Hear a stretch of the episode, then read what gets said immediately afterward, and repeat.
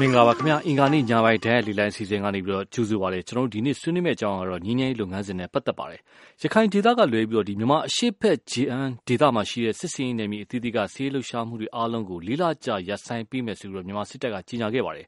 ဒီကြေညာမှုဟာအစိုးရရဲ့ညီငယ်ရေးကျူးပန်းနေမှုအတွက်အထောက်ပံ့တကယ်ပဲဖြစ်စေမလားဒါမှမဟုတ်စစ်တပ်ဟာအစိုးရဩဇာအောင်မရှိဘူးဆိုတဲ့တိကျအင်အားစုသဘောတက်ရောက်နေတာမို့ငြိမ်းချမ်းရေးမှာအစိုးရထက်မြန်မာစစ်တပ်ရဲ့အရေးပါမှုဟာပိုပြီးတော့ပေါ်လွင်လာလားအခုဆွေးနွေးသွားမှာဖြစ်ပါတယ် အဓိကပါဝင်ဆွေးနွေးပေးဖို့ ကျွန်တော်ပုဂ္ဂိုလ်နှစ်ဦးဖိတ်ခေါ်ထားပါတယ် ပထမတူကတော့ ဦးလှမောင်ရွှေပါ သူကတော့ ငြိမ်းချမ်းရေးနဲ့ ပြန်လည်တည်မြဲရေးစင်တာရဲ့ ပူးတွဲတည်ထောင်သူဖြစ်ပါတယ်ခင်ဗျာဦးလက်ရှိမှာဆိုရင်လည်း မြန်မာငြိမ်းချမ်းရေးကော်မရှင်ရဲ့ အကြံပေး UPDJC ရဲ့ အတွင်းမှုတာဝန်တွေကို ထမ်းဆောင်နေပါတယ် နောက်တူကတော့ဒီ UNFC ကပါညညွတ်သောတိုင်းရင်းသားလူမျိုးများကောင်စီရဲ့ ပြောခွင့်ရသူဖြစ်တဲ့ ဦးထွန်းစောပါ ဦးထွန်းစောပါဆိုလို့ရှိရင် ရခိုင်အမျိုးသားကောင်စီရဲ့ အတွင်းမှုတူလည်းဖြစ်ပါတယ်အဲ့တော့နှစ်ဦးစလုံး လေလိုင်းပေါ်ကို ရောက်နေပါပြီခင်ဗျာကျွန်တော်အရင်ဆုံးဦးလာမောင်ရွှေကိုရင်ဖိတ်ခေါ်ချင်ပါတယ်ခင်ဗျာဦးလာမောင်ရွှေ ကြားပါလားခင်ဗျာ ဟုတ်ကဲ့ကြားပါခင်ဗျာဟုတ်ကဲ့ဦးလာမောင်ရွှေခုနကကျွန်တော်ပြောသွားလို့ပါဒီတက်မတော်ဘက်ကနေပြီးတော့လေးလာကြာစီးရက်ဆိုင်ထားပင်သူကတော့ညှိနှိုင်းဖို့ပေါ့နော်ညီညာရေးလုပ်ငန်းအဲ့တော့ညီညာရေးလုပ်ငန်းစဉ်လက်ရှိအစိုးရလုပ်နေတဲ့ညီညာရေးလုပ်ငန်းစဉ်တွေအတွက်ဘယ်လောက်ထိအထောက်ပံ့ဖြစ်စေနိုင်မလဲတက်မတော်ရဲ့သဘောထားဘယ်လိုရှိလဲဦးလာမောင်ရွှေရဲ့အမြင်သိချင်ပါတယ်ခင်ဗျာအရင်ဆုံးအဲကျွန်တော်တို့ဒီဒီဇင်ဘာလ21ရက်နေ့ရက်စွဲနဲ့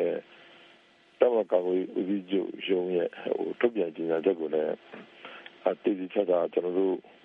ဖတ်ရှုကြည့်ပါတယ်။ဒီမှာအပိုက်တက်မှာဖော်ပြထားတာကဒီဒီဇင်ဘာလဒီစနေနေ့ကဒီ AADN နေအမှန်ဒီတို့ကျွန်တော်တို့ဒီကြေညာချက်ကိုသိရှိတယ်ပြီးရင်တော့ညီငယ်ကော်မရှင်ကကြေညာချက်ကိုလည်းတွေ့ရတယ်ဒါကြောင့်မလို့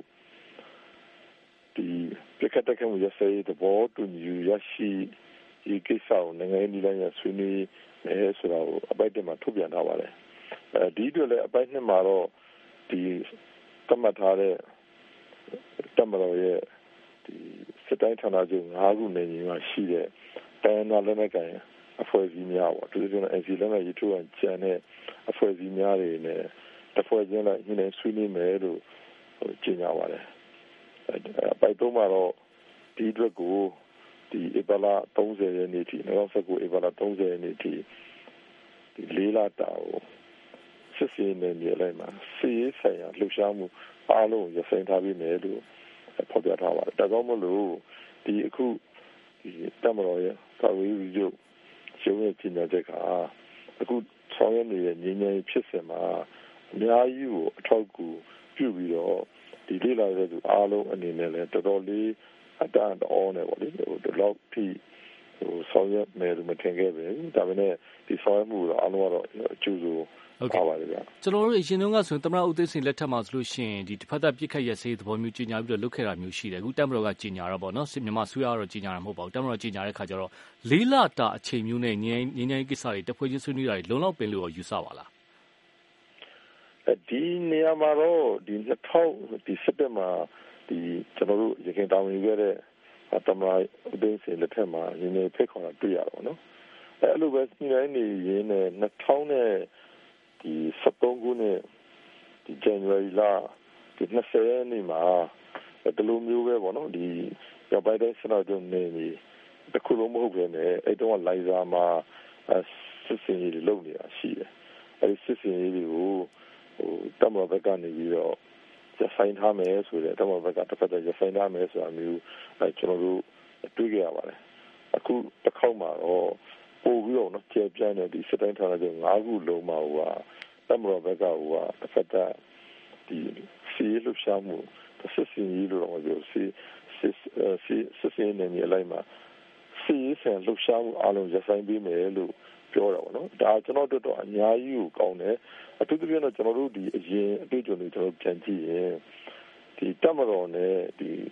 ကျွန်တော်တို့ KNU KLN တွေပေါ့နော်တပ်ဖွဲ့တွေဟာဒီနှစ်ပေါင်း60ကျော်လောက်တစ်ဖက်နဲ့တစ်ဖက်ကျွန်တော်တို့ဒီပိကတ်တက်ခဲမှုတွေရှိခဲ့တယ်ခင်ဗျာဒါပေမဲ့ဒီ2017ဖိတ်ခေါ်တဲ့ဒီဖိတ်ခေါ်မှုပြန်ကြည့်လိုက်လို့ရှိရင်ဒီဝင်းကြီးအဆင့်ပေါ့လေကျွန်တော်တို့ဒီဝင်းကြီးဦးအောင်မြင်အဆင့် ၃ချိန်ပဲကျွန်တော်တို့ဝန်ကြီးအဆင့်ဟိုတွေ့ပြီးတာနဲ့ဒီပြက်ကတက်ခိုက်တာတွေရက်စဲလိုက်တာတွေလက်မဲ့ယူထိုးနိုင်တာတွေလည်းတွေ့ကြရတယ် RCS နဲ့ဆိုရင်တော့အချိန်နဲ့ကျွန်တော်တို့ဒီ formal meeting ပေါ့နော် formal meeting တော့မဟုတ်ပါဘူး informal meeting အချိန်တွေ့ပြီးတော့ကျန်တာတော့အလုပ်ဖွဲ့တွေကပဲတွေ့ပြီးတော့လက်မဲ့ရေးထွက်လိုက်တာတွေ့တဲ့အတွက်အဓိကလိုအပ်တာတော့တစ်ဖက်မှာယုံကြည်မှုနဲ့ဒီ political will ပေါ့နော်တကယ်ကိုနေနေအတွက်ဒီဆောင်ရွက်ချင်တဲ့ ကိစ္စရပ်တွေရှိနေဆိုရင်တော့တက်မတော်ဆိုပြတာတော့တကားကြဲကြဲဖွင့်ပြထားတာဖြစ်တဲ့အတွက်ဒီလေးလအတွင်းမှာလည်းအများကြီးဆောင်ရွက်နိုင်မယ်လို့ကျွန်တော်တို့ယုံကြည်တယ်ဗျာဟုတ်ကဲ့ခင်ဗျာဦးလောင်မရှိလီလိုင်းပေါ်မှာခဏနေပြီးပါအောင်ခင်ဗျာကျွန်တော်ဦးထွန်းစောဖိတ်ခေါ်ချင်ပါတယ်ဦးထွန်းစောကတော့ညီညွတ်သောတိုင်းသားလူမျိုးများ Federal Council ရဲ့ပြောခွင့်ရသူဖြစ်ပါတယ်ခင်ဗျာဦးထွန်းစောပြောရမယ်ဆိုရင်တော့ဒီ UNFC က NCA မထိုးထားတဲ့အဖွဲ့အများစုကပါဖွဲ့ထားတာပါအဲ့တော့အခု တမတော်ဘက်ကနေပြီးတော့လေးလတာရက်ဆိုင်မယ် တဖွဲ့ချင်း ညှိနှိုင်းသွားမယ်ဆိုတော့ငင်းငင်းအလားလားဘယ်လိုများမျှော်လင့်မိလဲခင်ဗျာအရင်ဆုံး ဟုတ်ကဲ့ ကျွန်တော်မြင်တာကတော့ ဒီလ21ရက်နေ့ကတက်မတော်ကာကွယ်ဦးစီးချုပ်ရုံးက ထုတ်ပြန်တဲ့သုံးမျက်နှာပါ ထုတ်ပြန်ကြေညာချက်ကဒီငင်းချင်းရီမန်းချက်တဲ့စီးရေးရီမန်းချက်ကို ပိုအလေးစီးနေတဲ့သဘောမှရှိရလို့ မြင်ပါတယ်။အကြောင်းလဲဆိုတော့ ဒီထုတ်ပြန်ကြေညာချက်မှာက သူက ကချင်နဲ့ချမ်းဒေသမှာရှိတဲ့ စစ်တိုင်း၅ခုကိုပဲကွက်ပြီးမှသူကစီးရေးလှုပ်ရှားမှုတွေကိုရပ်မယ်လို့ပြောတာဖြစ်တယ်။ကျန်တဲ့ဒီနိုင်ငံတောင်ပိုင်းနဲ့အနောက်ပိုင်းဒေသတွေကအကျုံးမဝင်ဘူးအဲ့မှာကရင်နီတို့ကရင်ပြည်တို့မှာကြိုကြားကြိုကြားတိုက်ပွဲဖြစ်ခဲ့တာတွေရှိတယ်ဆိုတော့ဒီကရင်မှာဆိုရင်တော့ဒီတက်မတော်ဘက်ကဖွံ့ဖြိုးရေးနဲ့လမ်းဖောက်လုပ်ရေးတွေကိုအကြောင်းပြပြီးတော့မှဒီပြင်ဆင်နေတာတွေကြောင့်ဒီ KNU တက်မှ9နဲ့နဲ့ထိတွေ့တိုက်ခိုက်မှုတွေဖြစ်ခဲ့တာတွေရှိတယ်အဲ့ဒီအကျိုးဆက်အနေနဲ့ဒုက္ခတွေတွေဖြစ်ဒီ အဘုံရောင်ချောင်တွေဒီအချိန်ကြီးလည်းရှိနေတော့ပဲဖြစ်တယ်ကရီနီဘက်မှာဆိုရင်လည်းပဲဒီပြီးခဲ့တဲ့3လလောက်ကတက်မတော်စစ်ကြောင်းတစ်ခုကနေမြေကျော်လွန်ပြီးတော့လှုပ်ရှားလာလို့ဒီကရီနီတက်နဲ့ချီတွေတိုက်ပွဲတွေဖြစ်ခဲ့တဲ့ဖြစ်စဉ်လေးတခုရှိခဲ့ပါတယ်အခုလက်ရှိရခိုင်ပြည်ဘက်မှာလည်းပဲတက်မတော်ကဝေဟင်ကနေစစ်စင်ရေးတွေနဲ့တိုက်ပွဲဆင်နေတာတွေလည်းတွေ့နေရတယ်ဒီနောက်တစ်ချက်ကတော့ဒီအချိန်ကာလအပြင်ပေါ့လေဒီရှမ်းနဲ့ကချင်ဘက်ကချင်ဘက်မှာပဲသူကလေးလကြာစီးရဲလှုပ်ရှားမှုတွေကိုရက်တက်မှာ ပြောထားတာဖြစ်ပါတယ်အကယ်၍ဒီလေးလအတွင်းမှာတွဲဆုံဆွေးနွေးရေးတွေကအဆင်မပြေဘူးဆိုလို့ရှိရင်ဟိုပုံမှန်အနေထားတိုင်းပဲပြန်သွားမဲ့သဘောဆောင်နေပါတယ်နောက်တစ်ချက်ကလည်းပဲဒီလေးလတာစစ်စီရဲဆိုင်ထားတဲ့ကာလအတွင်းမှာဒီတက်ချုပ်ရဲ့ဒီငိမ့်ချရေးမူဝါဒပေါ်လေငိမ့်ချရေးမူ6ချက်ထဲမှာအပေါ်က4ချက်ကိုလိုက်နိုင်ရမယ်လို့သူကပြောထားပါတယ်အဲ့ဒီ၄ချက်ထဲမှာဒီနံပါတ်၄ချက်ဖြစ်တဲ့နိုင်ငံတော်ထုတ်ပြန်ထားတဲ့ တည်ဆဲဥပဒေတွေကို လိုက်နာရမယ်လို့ ဖော်ပြထားတာရှိပါတယ်။အဲဒီနိုင်ငံတော်က ထုတ်ပြန်ထားတဲ့ တည်ဆဲဥပဒေဆိုတာက အခုနိုင်ငံရဲ့ နိုင်ငံရေးအရ အခြေခံပြဿနာဖြစ်ပါတယ်။နှစ်ပေါင်း ၅၀ ကျော်ကာလအတွင်းမှာ စစ်တပ်ကပဲ တနိုင်ငံလုံးကို သူက လွှမ်းမိုးပြီးတော့မှ အုပ်ချုပ်လာတာဖြစ်တယ်။ဆိုတော့ နိုင်ငံတော်ဆိုတာက စစ်တပ်ကို အများစု ကိုယ်စားပြုနေတာဖြစ်တယ်။စစ်တပ်ဘက်ကနေပြီးတော့မှ ဒီလိုလွှမ်းမိုးပြီးတော့မှ လုပ်ထားတဲ့ တည်ဆဲဥပဒေတွေကို လိုက်နာရမယ်လို့ တဘက်သတ်ပြောတာက မျှတမှုမရှိဘူးပေါ့လေနော် ဒါအခြေခံနိုင်ငံရေးပြဿနာရဲ့အကြောင်းအကြောင်းတရားတစ်ခုဖြစ်တယ်ဆိုတော့ကြောင့်ဒီတက်မတော်ဘက်ကထုတ်ပြန်ချက်ကငြိမ်းချမ်းရေးထက်စစ်ရေးရည်မှန်းချက်ကိုပြည့်မီရေးအတွက်ပို့ပြီးသဘောဆောင်တဲ့နော်ဒီထုတ်ပြန်ချက်မျိုးတွေ့ရတယ်လို့ကျွန်တော်အနေနဲ့သုံးသပ်မိပါတယ်ဟုတ်ကဲ့ခင်ဗျကျွန်တော်နောက်တစ်ချက်မေးချင်တာကအာလက်ရှိငင်းငင်းကောင်စီအစိုးရဘက်ကပြောမယ်ဆိုရင်ပေါ့အစိုးရဘက်ကနေပြီးတော့တိုင်းသားဖွဲ့နဲ့လိုက်တွေ့နေတဲ့ညှိနှိုင်းနေတာမျိုးတွေရှိတယ်အခုကတက်မတော်ကလည်းတီးခြားကြီးညာချက်ထုတ်ပြီးတော့တဖွဲ့ချင်းတွစ်ဆုံညှိနှိုင်းမယ်ဆိုတဲ့သဘောမျိုးဖြစ်နေတော့ ငင်းငယ်ရေးလုပ်ငန်းစဉ်နဲ့ပတ်သက်လို့ကဲဖြတ်ချက်ပေါ့ အစိုးရရခရာကြနေလားတက်မတော်ကခရာကြနေလား အခုထုတ်ပြန်ချက်နဲ့ကိုကိုထွန်းစော်ရဲ့ဦးထွန်းစော်ရဲ့အမြင်သိကြပါလေခင်ဗျာတကယ်မြန်မာငင်းငယ်ရေးလုပ်ငန်းမှာ key player က အခုဖြစ်နေတဲ့အနေထားတက်မတော်ကဖြစ်နေလား အစိုးရကဖြစ်နေလား ဘယ်လိုယူဆပါလဲအဲ့ပေါ့ကျွန်တော်တို့တိုင်းပြည်က ခုနပြောသလိုမျိုးပေါ့ဗျာဒီစစ်တပ်ကပဲကျွန်တော်တို့အုပ်ချုပ်လာတာ နှစ်ပေါင်း90ကျော်ရှိပြီပေါ့လေဒီ2010နောက်ပိုင်းမှာမှ2008ဖွဲ့စည်းပုံကို အခြေခံပြီးမှနော်အဲ ကျွန်တော်တို့ဒီအရက်သားကနေပြီးရွေးချယ်ခွင့်ရခဲ့တဲ့ရွေးချယ်တင်ပြခွင့်ရတဲ့အစိုးရတွေကိုစားပြုမှုတွေတက်လာတာပေါ့ဒါပေမဲ့ဒီအစိုးရကလည်းတကယ်စစ်မှန်တဲ့ဒီမိုကရေစီအစိုးရလားဆိုတာဒီနေ့ချိန်ဒီမေခွန်းထုတ်ကြရရှိနေတယ်ဆိုတော့ကျွန်တော်ပြောချင်တာကဒီငြိမ်းချမ်းရေးကိုတည်ဆောက်တဲ့အခါမှာတက်ချင်းချင်းဆွေးနွေးတဲ့ဆွေးနွေးပွဲတွေကလွန်ခဲ့တဲ့နှစ်ပေါင်း90ကျော်ကာလအတွင်းမှာလုပ်ခဲ့ပြီးဖြစ်တယ်။နော်မအောင်မြင်ခဲ့ဘူး။မအောင်မြင်လို့လည်းဒီပြည်တွင်းစစ်ကနှစ်ပေါင်း80ကျော်တာရှည်နေပြီးဖြစ်တယ်။ဆို ဒီနေ့ဒီကျွန်တော်တို့အယက်သားအစိုးရလို့ ပြောလို့ရတဲ့ NLD ကနေပြီးတော့ လူထုထောက်ခံမှု အများစုရထားတဲ့ အစိုးရတရက်က ကျွန်တော်တို့က အစိုးရလုပ်ခွင့်ရနေတယ်။ဆို NLD အစိုးရမှာလည်း အကန့်အသတ်တွေ အများကြီးနဲ့ လုပ်နေရတဲ့အခါကျတော့ဟိုတက်မတော်နဲ့ဒီ NLD အစိုးရအတွင်းမှာ ဘယ်လိုပေးယူရှိလဲတော့ ကျွန်တော်မသိဘူးပေါ့လေ။အခုဒီပြီးခဲ့တဲ့20ဒီလ21ရက်နေ့ကတက်မတော်ကကွေးဦးစီးချုပ်ရုံးကနော်စာမျက်နှာ3မျက်နှာပါ ထုတ်ပြန်ကြေညာချက် ထွက်လာပြီးတော့နိုင်ပိုင်းအတွင်းမှာပဲနော်အစိုးရက နိုင်ငံတော်တိုင်ပင်ခံ ဦးစီးတဲ့ဒီအမျိုးသားအပြင်လေတင်မြရေးဟောပေါ့ NRPC ဘက်ကနေပြီးတော့မှထောက်ခံကြောင်းကိုထုတ်ပြန်တာကိုကျွန်တော်တွေ့ရတယ်ဆိုတော့ဒီဥစ္စာကအစိုးရနဲ့တက်နဲ့နော်ဒါညှိနှိုင်းတိုင်ပင်ပြီးမှလောက်တာလားသို့မဟုတ်ရင်တက်မတော်ရဲ့လုပ်တဲ့ပုံမှာအစိုးရဘက်ကလိုက်ပြီးတော့မှထောက်ခံပြီးတော့မှလိုက်လုပ်တဲ့ပုံစံကဟိုတက်ကနေပြီးတော့တီးတန်းလုံးမဲ့လမ်းကြောင်းတစ်ခုအစိုးရကလုံးမဲ့တီးတန်းလမ်းကြောင်းတစ်ခုလားဒါကတော့ရှေ့မှာသူတို့အကောင့်တွေပေါ်မှုကိုကြည့်ပြီးမှကျွန်တော်တို့ပြောရမှာဖြစ်ပါတယ်။ ဒီကြတာတစ်ခုကတော့ဒီလက်ရှိ NRPC ထဲမှာတက်မတော်ကိုယ်စားလှယ်တွေကိုလည်း ပါဝင်ပြီးမှ သူတို့ငင်းကြရေးကော်မရှင်ဆိုပြီးတော့ လုပ်ပြီးတော့မှဒီဖော်ဆောင်နေတာပေါ့လေ။အဲဒါမဲ့တက်တဲ့ အစိုးရကြားမှာတော့တေကြတာတစ်ခုကတော့ယက်တိချက်တွေ မတူကြပါဘူး။တော့တက်မတော်ဘက်ကကြတော့ သူကဒီ NCA ပေါ်မှာ အသေးရက်တယ်ပေါ့ NCA ကိုမှာဘလောက်ပဲ အားနည်းချက်တွေရှိရှိ ပြင်လို့မရဘူး တိုးလို့မရဘူး ထိလို့မရဘူး ဒါပေမဲ့ NLD ဆိုရဘက်ကတော့ သူကဒီအရာအားလုံးက ဆွေးနွေးညှိနှိုင်းလို့ရတယ် NCA ကိုပြုပြင်ပြောင်းလဲလို့တဲ့သဘောထားရှိရင်လည်းသူကလက်ခံဆွေးနွေးတယ်။တက်မတော်ဘက်ကတော့ဒါပြုပြင်လို့မရဘူးဆိုရရက်တည်ချက်ရှိတယ်။ဆိုတော့တက်ဘက်ကသဘောမတူရင် NLD ဆိုရကလည်းဘာမှလုပ်လို့မရတဲ့အခြေအနေအောက်မှာအခုတက်ကနေပြီးတော့မှသူကဒီလေးလာတာပေါ့လေဒီအခြေပြင်းနဲ့ချမ်းပြည်ဘက်မှာပြစ်ခတ်ရစီလုပ်ပြီးတော့မှဒါပေါ်ဆောင်မဲ့ တွဲဆုံဆွေးနွေးလမ်းကြောင်းတွေက ဘယ်ထိဥတည်မလဲဆိုတာကို ကျွန်တော်တို့ စောင့်ကြည့်ရမယ့်အနေအထားတော့ ရှိပါတယ် ဟုတ်ကဲ့ခင်ဗျ ကိုထွန်းစောဦးလှမောင်ရှိလေလိုင်းပေါ်မှာ ခဏနေပြပါအောင်ခင်ဗျ ကျွန်တော်ချို့ဆွေးနွေးမင်းများလူတွေတော့ရှင်ချို့ လေလိုင်းပေါ်မှာ ရောက်နေလို့ပါအညာမီအောင်ကြီးတဲ့ လေလိုင်းပေါ်မှာ ရောက်နေပါပြီ ကိုအောင်ကြီးရေ ဆွေးနွေးမင်းများလို့ရပါတယ်တူတူတူပေါ့ ဟုတ်ကဲ့ခင်ဗျခုဆရာကြီးတွေဆွေးနွေးပါလို့ပေါ့ဗျာကျွန်တော်တို့တတ်မတော်ကနေပြီးတော့ စစ်တိုင်းကြီး၅တိုင်းကိုရက်ပြီးတော့မှဒီကျွန်တော်တို့ ရခိုင်ဘက်ပေါ့လေ အနောက်ပိုင်းတိုင်းစစ်ဌာနချုပ်တော့ ချမ်းထားတယ်ပေါ့ဗျာနော်အဲဒါကိုလည်း ဒီလိုလေအမျိုးမျိုးမြင်ရတာပေါ့တနိုင်ငံလုံးအပြစ်ခတ်တိုက်ခိုက်ရက်စဲထားလို့ရှိရင်ပိုးကောင်းတယ်လို့တော့မြင်ရတာပေါ့နော်အဲဘာပဲပြောပြောပေါ့ဗျာတမ်းမတော်ကတော့ငြိမ်းချမ်းရေးကိုဒူးကျင်ပါတယ်ဆိုတာကိုတော့ခဏတက်ပြီးပြလိုက်တဲ့သဘောပါပဲအဲဒါမျိုးကျွန်တော်အမြင်ပြောမယ်ဆိုလို့ရှိရင်တက်နဲ့အစိုးရတော့ဘယ်လိုရလို့ညှိနိုင်နိုင်လုပ်နေကြတာလေကျွန်တော်အမြင်ပြောတာနော်တက်ကတမျိုးအစိုးရကတမျိုးလို့တော့ကျွန်တော်မခံဘူးပြီးတော့ဘာလို့ပြောလို့ပေါ့ဗျာဒီနောက်ပိုင်းတိုင်းစစ်ဌာနချုပ်နေနေတယ်အားလုံးသိတဲ့အတိုင်းပဲအဲ ချို့တွေကလည်းအကျမ်းဖက်အဖွဲ့အစည်းတွေရှိတယ်ရာတချို့တွေလည်းမယုံတဲ့အဖွဲ့အစည်းတွေရှိတယ်ရာအဲအဲ့ဒါတွေကြောင့်မလို့လုပ်ငန်းလိုအပ်ချက်အရာကျွန်တော်တို့ရပ်ထားတယ်လို့မြင်တာပဲဟုတ်ကဲ့ခင်ဗျဒီအဲ့ဒီကနေပြီးတော့မှ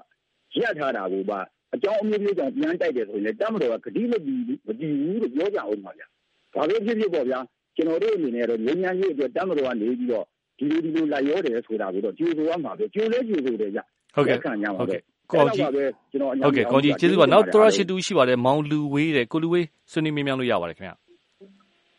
ဟုတ်ကဲ့သူကဟယ်လိုကြားရနော်ဟုတ်ကဲ့ကြားပါတယ်တူတူတူပေါ့နော်ဟုတ်ကဲ့ဟုတ်ကဲ့ဦးရင်းပေါ့ဒီဒီကကျွန်တော်တို့ဒီတပ်ဖက်ကနေပြီးတော့လေးလရက်ဆဲတာလေအဲ့ဒီကနေပတ်သက်လို့အကောင်းမြင်စိမ့်နဲ့ပြောရမယ်ဆိုရင်တော့ဟိုဦးရင်းပေါ့ ဒီကျုံစွာမှာပေါ့နော်နောက်ပြီးတော့ကျွန်တော်ကချင်ပြည်နယ်ဘက်မှာရှိနေတဲ့ဒီလေးလတော်တော်မှာဒီဒုက္ခတွေတွေပေါ့အဲ့ဒါတွေကိုရောကျွန်တော်တို့တက်ကဘလူတွေများ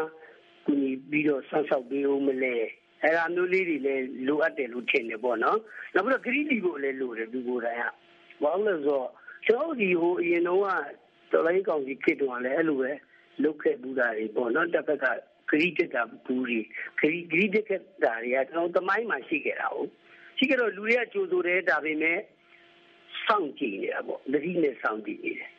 ကျွန်တော်အဲ့လောက်ပါပဲဟုတ်ကဲ့ခင်ဗျအခုခုလူဝေကျေးဇူးပါခင်ဗျကျွန်တော်ဦးလာမောင်ရွှေကိုပြန်ပြီးတော့ဖိတ်ခေါ်ချင်ပါတယ်ခင်ဗျဦးလာမောင်ရွှေခုနကတမ်မရိုရဲ့ကြီးညာချက်ထဲမှာဒီကာလအတွင်းမှာတဖွဲ့ချင်းနဲ့ညှိနှိုင်းသွားမယ်ဆိုတဲ့ဟာပါပါတယ်ခင်ဗျအဲ့ဒါကတပ်မတော်အနေနဲ့ညှိနှိုင်းမဲ့သဘောလားငင်းငန်းရေးကော်မရှင်ကကောဘယ်လိုရက်တည်သွားမှာလဲအဲ့ဒီအနေထားလေးလည်းနည်းသိကြပါတယ် ဟုတ်ကဲ့ခင်ဗျဒီတပ်မတော်ရဲ့ဒီအပိုက်စတဲ့ပိုက်ပါတဲ့ဒီစင်ကြချက်မှာဒီအပိုက်နဲ့မှာဒီခုနကတော့ဒီအပိုက်တက်မှာရှိတဲ့သုံးဘွဲနဲ့အဲဒီကျင်ညာတော်ကိုသူတို့ဖော်ပြလာတယ်အပိုက်နှစ်မှာတော့ဒီစတိုင်းနေမီထဲမှာဒီရှိတယ်ပေါ့နော်ခုန NC ထိုးကျန်တဲ့တန်းနဲ့လည်းလည်းအဖွဲ့တွေအားလုံးနဲ့တဖွဲ့ချင်းလိုက်ညှိနှိုင်းဆွေးနွေးကြရလိုအပ်မည်လို့ယူဆတယ်ဆိုတော့တမတော်ကလိုအပ်မယ်လို့သူအနေနဲ့ဒါ ယူဆတယ်မှတ်ချက်ပေးတာပါဒါနဲ့အပိုက်သုံးမှာတော့ဒီမြို့သားပြန်တဲ့တင်မြရင်နဲ့ငြိမ်းချမ်းရေးဘို့ဌာနနဲ့တစ်ခါတက်ကမှုရဆိုင်အပေါ်ဝင်ငြိမ်းချမ်းရေးဆိုင်ရာလုပ်ငန်းများကိုညှိနှိုင်းဆွေးနွေးသွားရဖြစ်ပြီးလိုအပ်ပါကတမတော်နေဖြင့်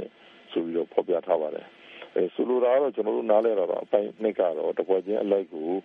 NRPC ရှိတယ် NRPC ရဲ့အောက်မှာအလုပ်ဖက်ငြိမ်းကော်မရှင်လည်းရှိတော့သူတို့ဆက်ပြီးဆောင်ရွက် တဲ့နယ်လို့အကြံပြုပြီးတော့လိုအပ်တဲ့ဟာတွေကိုတော့တမန်တော်ဦးစီးချုပ်က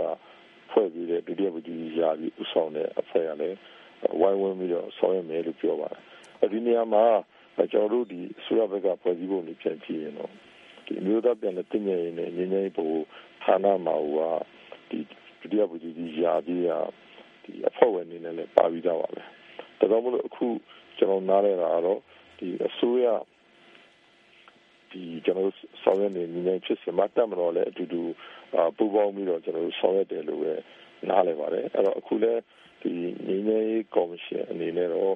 ဒီ AATLN MND တို့လည်းဒီဒီဇင်ဘာလထဲမှာပဲတွားဆွေးနွေးပြီးတဲ့နောက်ပိုင်းမှာဒီကြီးများထွက်လာတဲ့ဒီပေါ်မှာတက်မတော်ဘက်ကလည်းအော်တော့ follow up အဲကျွန်တော်လိုက်လာပြီးတော့ပို့ပြီးတော့တက်မတော်ဘက်ကတရားကျဲကျဲဖွင့်ပြီးတော့တက်မတော်အနေနဲ့လည်းသူ့အတွက် ဟိုကျွန်တော်တို့လေးလာသူများအနေနဲ့ကြည့်ရင်တော့ risk အခုယူလိုက်ပြီးတော့ငင်းငယ်ရေးကိုထပ်ပြီးတော့ကျွန်တော်တို့ကျေကျေချင်းချင်းဖိတ်ခေါ်လိုက်တယ်ဆိုတဲ့သဘောပါပဲဟုတ်ကဲ့ကျွန်တော်တခုမိချင်တာခုနကဦးထွန်းစောပြောသွားတဲ့အထက်မှာလည်းပါပါတယ်ခင်ဗျာဟိုအစိုးရနဲ့တက်မတော်ရဲ့ဒီငင်းငယ်နဲ့ပတ်သက်လို့ချင်းကပ်မှုတွေပုံစံမတူဘူးဆိုတဲ့သဘောပေါ့နော်အဲ့တော့ဦးလောင်မချူကလည်းဒီ Peace Commission ထဲမှာဂျမ်ပီတူအနေနဲ့လုပ်နေတဲ့အခါကျတော့အစိုးရနဲ့ တက်မလို့နဲ့ဂျားထဲမှာဒီငင်းငိုင်းနဲ့ပတ်သက်ပြီးတော့တိတိကျကျကွဲပြားတဲ့သဘောမျိုးတွေ ဒါမှမဟုတ် ပူအောင်ဆောင်မှု အားနေတာတွေ ဒါတွေမျိုးရှိနေပါလား ကျွန်တော် နားလေတာကတော့ဟိုတက်မလို့ကလည်း ဒီဒီ2008အခြေခံဥပဒေအောက်မှာပဲ ဒီဥပဒေဒီအခြေခံဥပဒေပေါ်မှာပဲဒီရက်တည်ပြီးတော့ ဆောင်ရတဲ့ institution တစ်ခုပဲ ဖြစ်တယ်ပေါ့လေ အဲ့တော့ ဒီငင်းငိုင်းဖြစ်စင်မှာလည်းတက်မလို့ဘက်ကလည်းဒီငင်းငိုင်းလိုခြင်း ဒါကအခုမှလည်းမဟုတ်ပါဘူး2017ပမာဥဒေရှင်လက်ထက်တည်းကတက်မတော်နေနဲ့လည်းငင်းငိုင်းလိုခြင်းလို့သူကိုယ်တိုင်ပဲပမာဥဒေရှင်နဲ့အတူတူပူးပေါင်းဆောင်ရွက်တယ်လို့ပဲနားလည်ပါလားအခုလည်းဒီငင်းငိုင်းလိုခြင်းတာတက်မတော်အစိုးရရောဒီလွှတ်တော်ပူပေါင်းလုပ်နေတာကတော့ရေဘူးအပြင်တော့အတူတူပဲလို့ပဲကျွန်တော်တို့ယူဆပါတယ်။ဒါပေမဲ့စီရေးပိုင်းဆိုင်ရာတချို့ကိစ္စကြတော့တက်မတော်မှာသူနှစ်ပေါင်းများစွာသူရဲ့ဒီ institution ဒီ memory ရှိတယ် သူ့ရဲ့စီရေးဆောင်ရွက်မှုတွေစဉ်းစားတာရှိတာကိုတော့ဒီအပြည့်အခက်ရပ်ဖို့ဥဆောင်ပြီးတော့ကျွန်တော်တို့ဆွေးနွေးနေရတာအစိုးရဘက်ကလွှတ်တဲ့ကိုယ်တွေဒါပေမဲ့ဒီအပြည့်အခက်ရပ်ဖို့လိုအပ်တဲ့ကိစ္စရပ်တွေကိုတော့တက်မတော်ကအရာရှိတွေကလည်းဒါပူပေါင်းပြီးဆောင်ရွက်မယ်ဆိုတဲ့သဘောလိုပဲကျွန်တော်တို့နားလည်ပါတယ်ဟုတ်ကဲ့ခင်ဗျကျွန်တော်ဦးထွစောမေးချင်ပါတယ်ခင်ဗျဦးထွစောခုနကပြောသွားတဲ့အထဲမှာဒီငင်းငယ်ရေးလုပ်ငန်းနဲ့လက်ရှိ တပ်မတော်ဘက်က ကြီးညာလိုက်တဲ့လီလာတာအခြေအနေနဲ့ ပတ်သက်ပြီးတော့စောင့်ကြည့်ဖို့လိုမယ်လို့ သုံးသပ်တာတွေ့ရပါတယ်ခင်ဗျအဲ့တော့ တကယ်တမ်း လက်ရှိမြန်မာနိုင်ငံငင်းငယ်ရေးအတွက် အထောက်ပံ့ဖြစ်စေဖို့ဆိုရင် တပ်မတော်က ဘာတွေ တကယ်လုပ်တဲ့တယ်လို့ ယူဆပါလဲလီလာအပြင်ပေါ့ ဘာတွေ လုပ်ပေးတဲ့လဲ ဘာတွေ ဖြေလျှော့တဲ့တယ်လို့ ယူဆပါလဲ ဟုတ်ကဲ့ ကျွန်တော်မြင်တာကတော့ပေါ့ဗျာဒီငင်းချင်းရေးတိထောက်တယ်ဆိုလို့ရှိရင် တကယ်ဟိုပါပေါ့နော်ကျွန်တော်တို့စိတ်ကောင်းစေတနာကောင်းတဲ့နော်စေတနာမှန်ကန်မှုကိုကျွန်တော်တို့အလုံးအပြင်ပြသဖို့လိုပါတယ် စာရွက်ပေါ်မှာပဲမဟုတ်ပေနဲ့ပေါ့လေနော်အခုကလေးလလို့ကျွန်တော်တို့ကထုတ်ပြန်လိုက်တာကဒီကျွန်တော်တို့ကဒီတိုင်းပြည်လုံးကနက်လူတာရုခေါ်ရမယ့်အနေအထားမဟုတ်ပေနဲ့တော့တတိုင်းဒီကျွန်တော်တို့နက်လူတာရုခေါ်နိုင်ဖို့ဆိုလို့ရှိရင်တော့အားလုံးဒီတနိုင်ငံလုံးပြည့်ခရဲ့စီရေးကိုပေါ့နော်ကြီးညာလိုက်ရင်ပို့ပြီးတော့မှကျွန်တော်တို့တည့်မယ်လို့မြင်ပါတယ်ဒါပေမဲ့အခုရခိုင်ဘက်မှာဟိုပေါ့အာချာပေါ့နော်ဒီအကျန်းဖက်အဲတောင်းကျမ်းသူအဖွဲ့ပေါ့လေဒီအကျန်းဖက်အဖွဲ့တွေရှိနေလို့ဒါကို မထုတ်ပြန်တာလို့သမရယုံဘက်ကနေပြီးတော့မှဒီပါကွေပြောဆိုတာကိုတွေ့ရတယ်။ဒါပေမဲ့အဲ့ဒီအာဆာအဖွဲ့ကဒီ2016မှာမှပေါ်လာတာဖြစ်တယ်။အာဆာမတိုင်ခင်မှာဦးသိန်းစီစိုးရလက်ထက်မှာလည်းပဲဒီလိုမျိုးကြီးညာပြီးတော့မှပေါ်ဆောင်ခဲ့တာမရှိဘူး။တော့ကျွန်တော်တို့ကမြင်တာကတော့တနိုင်ငံလုံးအပြစ်တိုင်းတာဆောင်တဲ့ပြစ်ခရဲ့စီးရီးကိုပေါ်ဆောင်ပေးနိုင်မှပဲဒါအားလုံးအတွက်ပေါ့လေနော်တကယ်လက်တွေ့အပြင်ပေါ့ဒါငင်းကျဲရေးဆန္ဒရှိတယ် ငြိမ်းချမ်းရေးပေါ်မှာစေတနာတကယ်မှန်တယ်ဆိုတာကို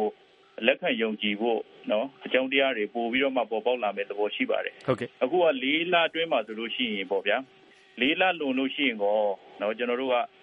ဒီကိစ္စကနေပြီးတော့မှဒီခုနပြောတဲ့ဒီကချင်ပြည်တို့ရှမ်းပြည်တို့မှာရှိတဲ့စစ်တိုင်း၅ခုရဲ့နေမြေတွေမှာပြန်ပြီးတော့မှစစ်စင်ရေးတွေပြန်လုပ်မယ်ဆိုတဲ့သဘောက တခါလေးကို တန်းပြီး အဖြစ်ထွက်နေပါတယ် ဟုတ်ကဲ့ ကျွန်တော်10မိနစ်လောက်ပဲချိန်ရတယ် ကိုထွန်းစောကျွန်တော်တခုမေးချင်ပါတယ် အခု အရင်ကဆိုရင်တက်မတော်ကဒီမြောက်ပိုင်းအဖွဲ့တွေ TNL တို့ ဘာလို့နဲ့ ပတ်သက်လို့အာတော်တော်လေး သဘောထား ပြင်းထန်ထန်ရက်တည်ဒါပေမဲ့ အခု ထုတ်ပြချက်မှာ ဒီနာမည်တွေပါ ပါလာတယ် အဲ့တော့ မြောက်ပိုင်းအဖွဲ့နဲ့ ပို့ပြီးတော့တင့်မြက်လာမဲ့သဘောလို့ရော ယူဆလို့ ရပါလား ကျွန်တော်ကတော့ အဲ့ဒီဥစ္စာတော့ ပြောဖို့ စောအောင်မယ်နဲ့ တူပါတယ် ဒီမနေ့ကပဲ TNL နဲ့ကုတ်ခိုင်မှာ ပြန်ပြီးတော့မှ တိုက်ပွဲတွေ ဖြစ်တာ တွေ့တယ် နောက်ပြီးတော့ ULA နဲ့ဆိုရင်လည်းပဲဒီနေ့စဉ်ရက်ဆက်ဆိုသလို ဖြစ်နေတာတက်မလို့ပြောခွင့်ရသူကတော့သူကျွန်တော်တို့ပြောထားတာတော့ TNL နဲ့ တိုက်ပွဲက မဟုတ်ပါဘူးဆိုသူတို့ညင်းထားပါတယ် ဒီကနေ့ပဲ ဟုတ်တယ် ဒါပေမဲ့ သူ့မြေပြင်ကနေပြီးတော့မှ ဒေသခံလူထုတွေကနေပြီးတော့မှ ဟုတ်တယ်ဆိုပြီးတော့မှ ပြောတဲ့ချက်တွေနဲ့ နောက်ပြီးတော့မှ ကာယကင်ရှင် TNL ဖွဲ့ကလည်းပဲ ဒါကိုတီးပြူတဲ့ သဘောရှိပါတယ်ဟုတ်ကဲ့အဲ့ဒါကြောင့် ဒီလိုမျိုးပေါ့ဗျာဒီထုတ်ပြန်ကြေညာချက်က တာရွက်ပေါ်မှာပဲမဟုတ်ဖြစ်နေပေါ့လေတော့တကယ်မြေပြင်မှာပါသွားပြီးတော့မှအကျိုးသက်ရောက်မှုရှိဖို့လိုတယ်လို့မြင်ပါတယ်ဟုတ်ကဲ့ခုနကကျွန်တော်ပြောလို့မြောက်ပိုင်းအဖွဲ့တွေနဲ့ဆက်ဆံရေးကပို့ပြီးတော့နှီးစပ်လာတယ်လို့ယူဆပါလားစစ်တပ်နဲ့လက်ရှိမြောက်ပိုင်းအဖွဲ့နဲ့နှီးစပ်လာဆိုတာကတော့ဒီကျွန်တော်မြင်တာကဒီတရုတ်ရဲ့ဂျောင်းဝင်မှုနဲ့ပဲအဓိကဆိုင်နေတာပေါ့ဗျာတရုတ်ရဲ့ဂျောင်းဝင်မှုမရှိရင်တော့ဒီဆွေးနွေးပွဲတွေကအခြေအနေဘယ်လိုဖြစ်မလဲဒါတွေလည်းပြောစရာတွေအများကြီးရှိတာပေါ့နောက်ပြီးတော့မြောက်ပိုင်းဖွဲ့မှာဆိုရင်လည်းပဲ ဒါကချင်ဘက်မှာဆိုလို့ရှိရင် KIO နဲ့ဆိုရင်လည်းပဲအဓိကဖြစ်နေတဲ့တိုက်ပွဲတွေအများကြီးပဲပေါ့နော်ကချင်နေမြေမှာဟုတ်ကဲ့ဒါပေမဲ့ KIO နဲ့ဒီဆွေးနွေးပွဲတွေတိတ်မတွေ့ရဘူးပေါ့ဗျာဟုတ်ကဲ့ဒီလိုမျိုးတွေဖြစ်နေတာတွေတွေ့ရှိတယ်အဲ့ဒါကြောင့်ကျွန်တော်မြင်တာကတော့ဒီ2019မှာပေါ့လေနော်ဧပြီလအထိပဲသူကဒီအဲ့ဒီစစ်တိုင်း၅ခုကချင်ပြည်ရှမ်းပြည်မှာပဲတည်ရလှုပ်ရှားမှုတွေကိုရက်မဲ့သဘောတော့ဖြစ်တယ်ဒီတောင်ပိုင်းတို့ဒီကချင်ဒီကရင်တို့ကရင်နီတို့နောက်ပြီးတော့မှအနောက်ဘက်ဒီရခိုင်ပြည်တို့သူကအကျုံးမွေတဲ့ခါကျတော့ ဒီဘက်မှာကစီးလှုပ်ရှားမှုတွေစီစဉ်မပြတ်ရှိနေမလားပေါ့ဒီကာလထဲမှာဒါတွေကိုကျွန်တော်တို့ကစောင့်ကြည့်ရမှာဖြစ်ပါတယ်ဟုတ်ကဲ့ခင်ဗျကျွန်တော်တို့ဓာတ်ရိုက်လီလိုက်အစီအစဉ်အချိန်လဲစီတော့လို့ပါအဓိကပါဝင်ပြီးပါဝင်ဆွေးနွေးပြီးတဲ့ဥလာမောင်ရွှေရောဥထုံးစော်ကိုကျေးဇူးအများကြီးတင်ပါတယ်တန်တဲ့ကျန်တဲ့သရရှင်တွေအားလုံးကိုလည်းကျေးဇူးအများကြီးတင်ပါတယ်ခင်ဗျဓာတ်ရိုက်လီလိုက်အစီအစဉ်ကျွန်တော်တို့ရန်နာခွင့်ပေးပါခင်ဗျ